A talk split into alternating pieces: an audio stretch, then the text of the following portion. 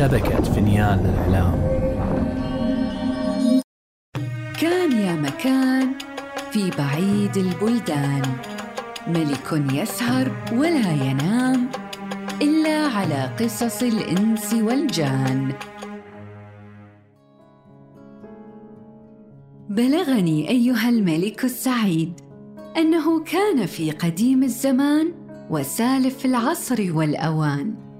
ملك عظيم ذو خطر جسيم وكان له ثلاث بنات مثل الدرر السافرة والرياض الزاهرة وولد ذكر كأنه القمر. فبينما الملك جالس على كرسي مملكته يوما من الأيام إذ دخل عليه ثلاثة من الحكماء.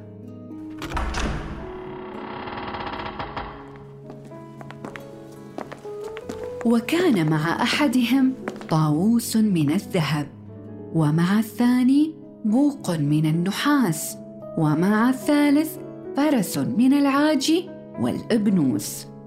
فقال لهم الملك ما هذه الأشياء؟ وما منافعها؟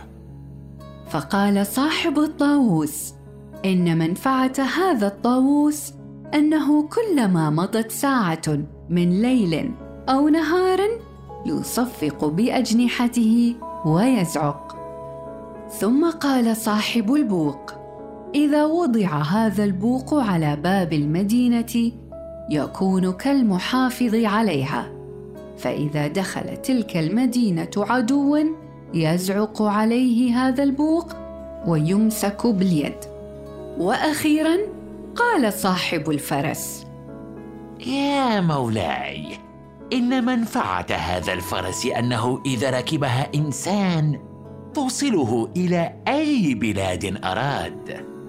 هم لا أنعم عليكم حتى أجرب منافع هذه الصور. ثم إنه جرب الطاووس فوجده كما قال صاحبه. ثم جرب البوق فوجده أيضا كما قال صاحبه. فقال الملك للحكيمين تمنيا علي. فقالا نتمنى عليك أن تزوج كل واحد منا بنتا من بناتك. قبلت إذا قبلت ابنتاي فأتى الملك بابنتيه وسألهما أن أرادتا الزواج بالحكيمين فوافقت الأميرتان فصارت الأفراح وكتبت الكتب. ثم إن الحكيم الثالث صاحب الفرس تقدم وقبل الأرض بين يدي الملك وقال له يا ملك الزمان أرجوك أنعم علي كما أنعمت على أصحابي. ليس حتى أجرب ما أتيت به. فعند ذلك تقدم الأمير ابن الملك والذي اسمه هاشم وقال يا والدي أنا أركب هذه الفرس وأجربها وأختبر منفعتها. يا ولدي جربها كما تحب. فقام هاشم وركب الفرس وحرك رجليه فلم تتحرك من مكانها. يا حكيم أين الذي ادعيته من سيرها؟ فعند ذلك جاء الحكيم إلى الأمير وأراه لولب الصعود. وقال له افرك هذا اللولب يا أمير الزمان.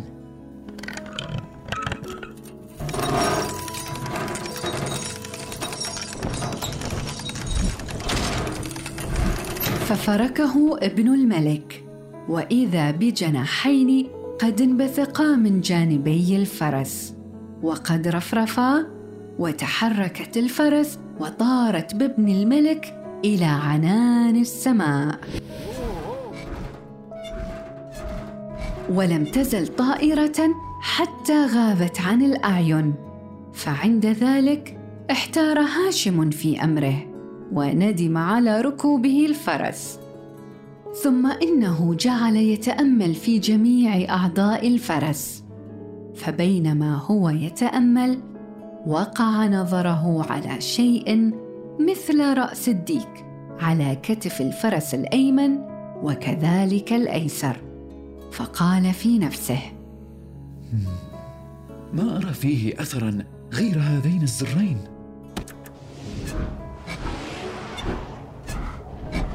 فضغط على الزر الذي على الكتف الأيمن فازدادت به الفرس طيرا طالعة إلى الجو فتركه ثم نظر إلى الكتف الأيسر فرأى ذلك الزر فضغط عليه. وإذا حركات الفرس قد تناقصت من الصعود إلى الهبوط.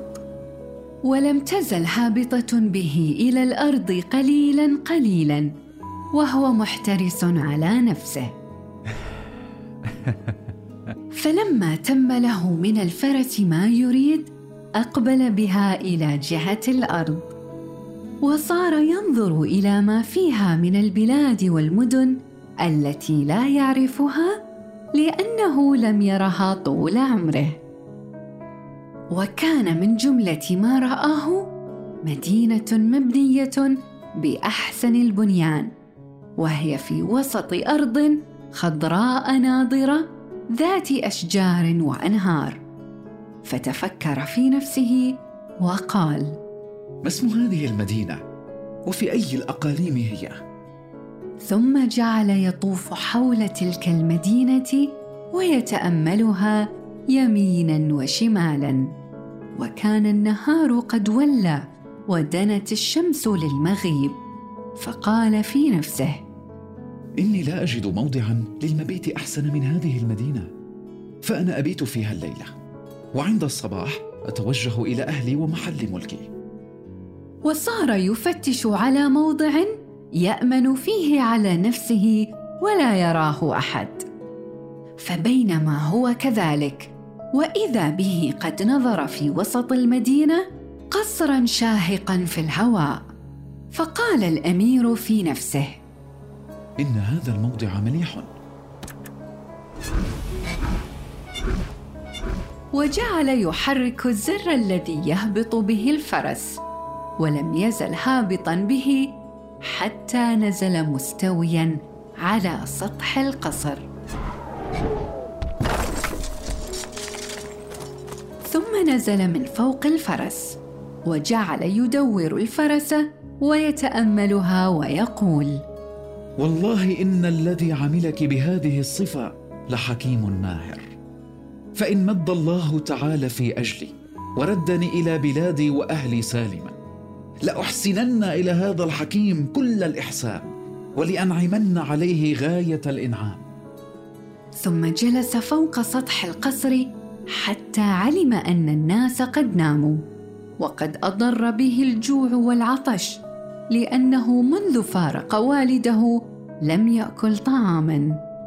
لا شك أن مثل هذا القصر لا يخلو من الرزق. فترك الفرس على السطح. ونزل هو وبدأ يتمشى لينظر شيئا يأكله. فوجد سلما فنزل منه إلى الأسفل. فوجد ساحة مفروشة بالرخام. فتعجب من ذلك المكان ومن حسن بنيانه. لكنه لم يجد في ذلك القصر حس حسيس ولا إنس. فوقف متحيرا وصار ينظر يمينا وشمالا وهو لا يعرف أين يتجه. يبدو أنه ليس لي أحسن من أن أرجع إلى المكان الذي فيه فرسي وأبيت عندها. فإذا أصبح الصباح ركبتها وسرت.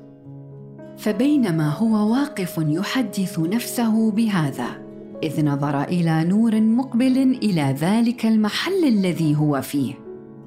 فتأمل ذلك النور فوجده مع جماعة من النساء وبينهن صبية ألفية بهية تحاكي البدر الزاهر. وكانت تلك الصبية بنت ملك هذه المدينة.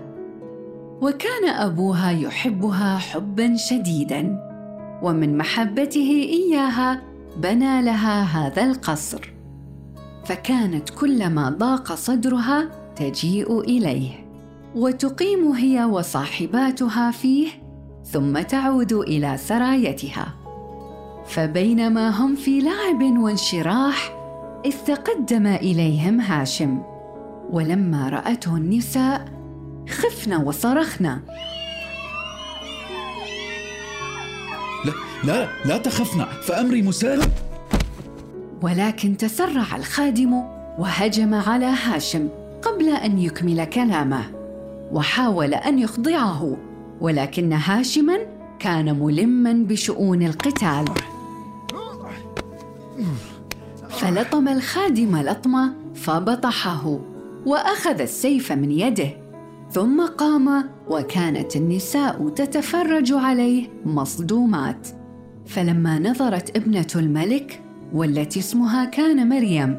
حسنه وجماله قالت لعلك أنت الذي خطبتني من والدي بالأمس وزعم أنك قبيح المنظر؟ ولكنه والله لقد كذب أبي. كيف قال هذا الكلام؟ فما أنت إلا مليح. وكان ابن ملك مملكة بعيدة قد خطبها من أبيها فرده لأنه بشع البدن والشخصية. فقالت لها صاحبتها يا سيدتي هذا ما هو الذي خطبك من أبيك؟ لأن ذلك كان قبيحا ولئيما وهذا مليح وله شأن عظيم. ولكنها ابتسمت وأخذت يد هاشم وجلسا في ركن من أركان الصالة وهما يتحدثان. ثم توجهت النساء الأخريات إلى الخادم المبطوح وأيقظنه فوثب مرعوبا وفتش على سيفه فلم يجده بيده. وكان ذلك الخادم قد وكله الملك بالمحافظة على ابنته خوفا عليها من نوائب الزمان وطوارق الحدثان. فقام ذلك الخادم وتوجه إلى هاشم ومريم وقال للأمير يا سيدي هل أنت أنسي أو جني؟ ويلك يا متسرع كيف تجعل أولاد الملوك الأكاسر من الشياطين؟ دعنا وشأننا يا خادم فإن حاولت مهاجمتي مرة ثانية هلكت. فلما سمع الخادم منه ذلك الكلام خاف وهرب. ثم إنه توجه إلى الملك أبي مريم وهو صارخ وقد شق ثيابه وحث التراب على رأسه. فلما سمع الملك صياحه قال له ما الذي دهاك؟ لقد رجفت فؤادي. أخبرني بسرعة وأوجز في الكلام. فقال له الخادم أدرك ابنتك.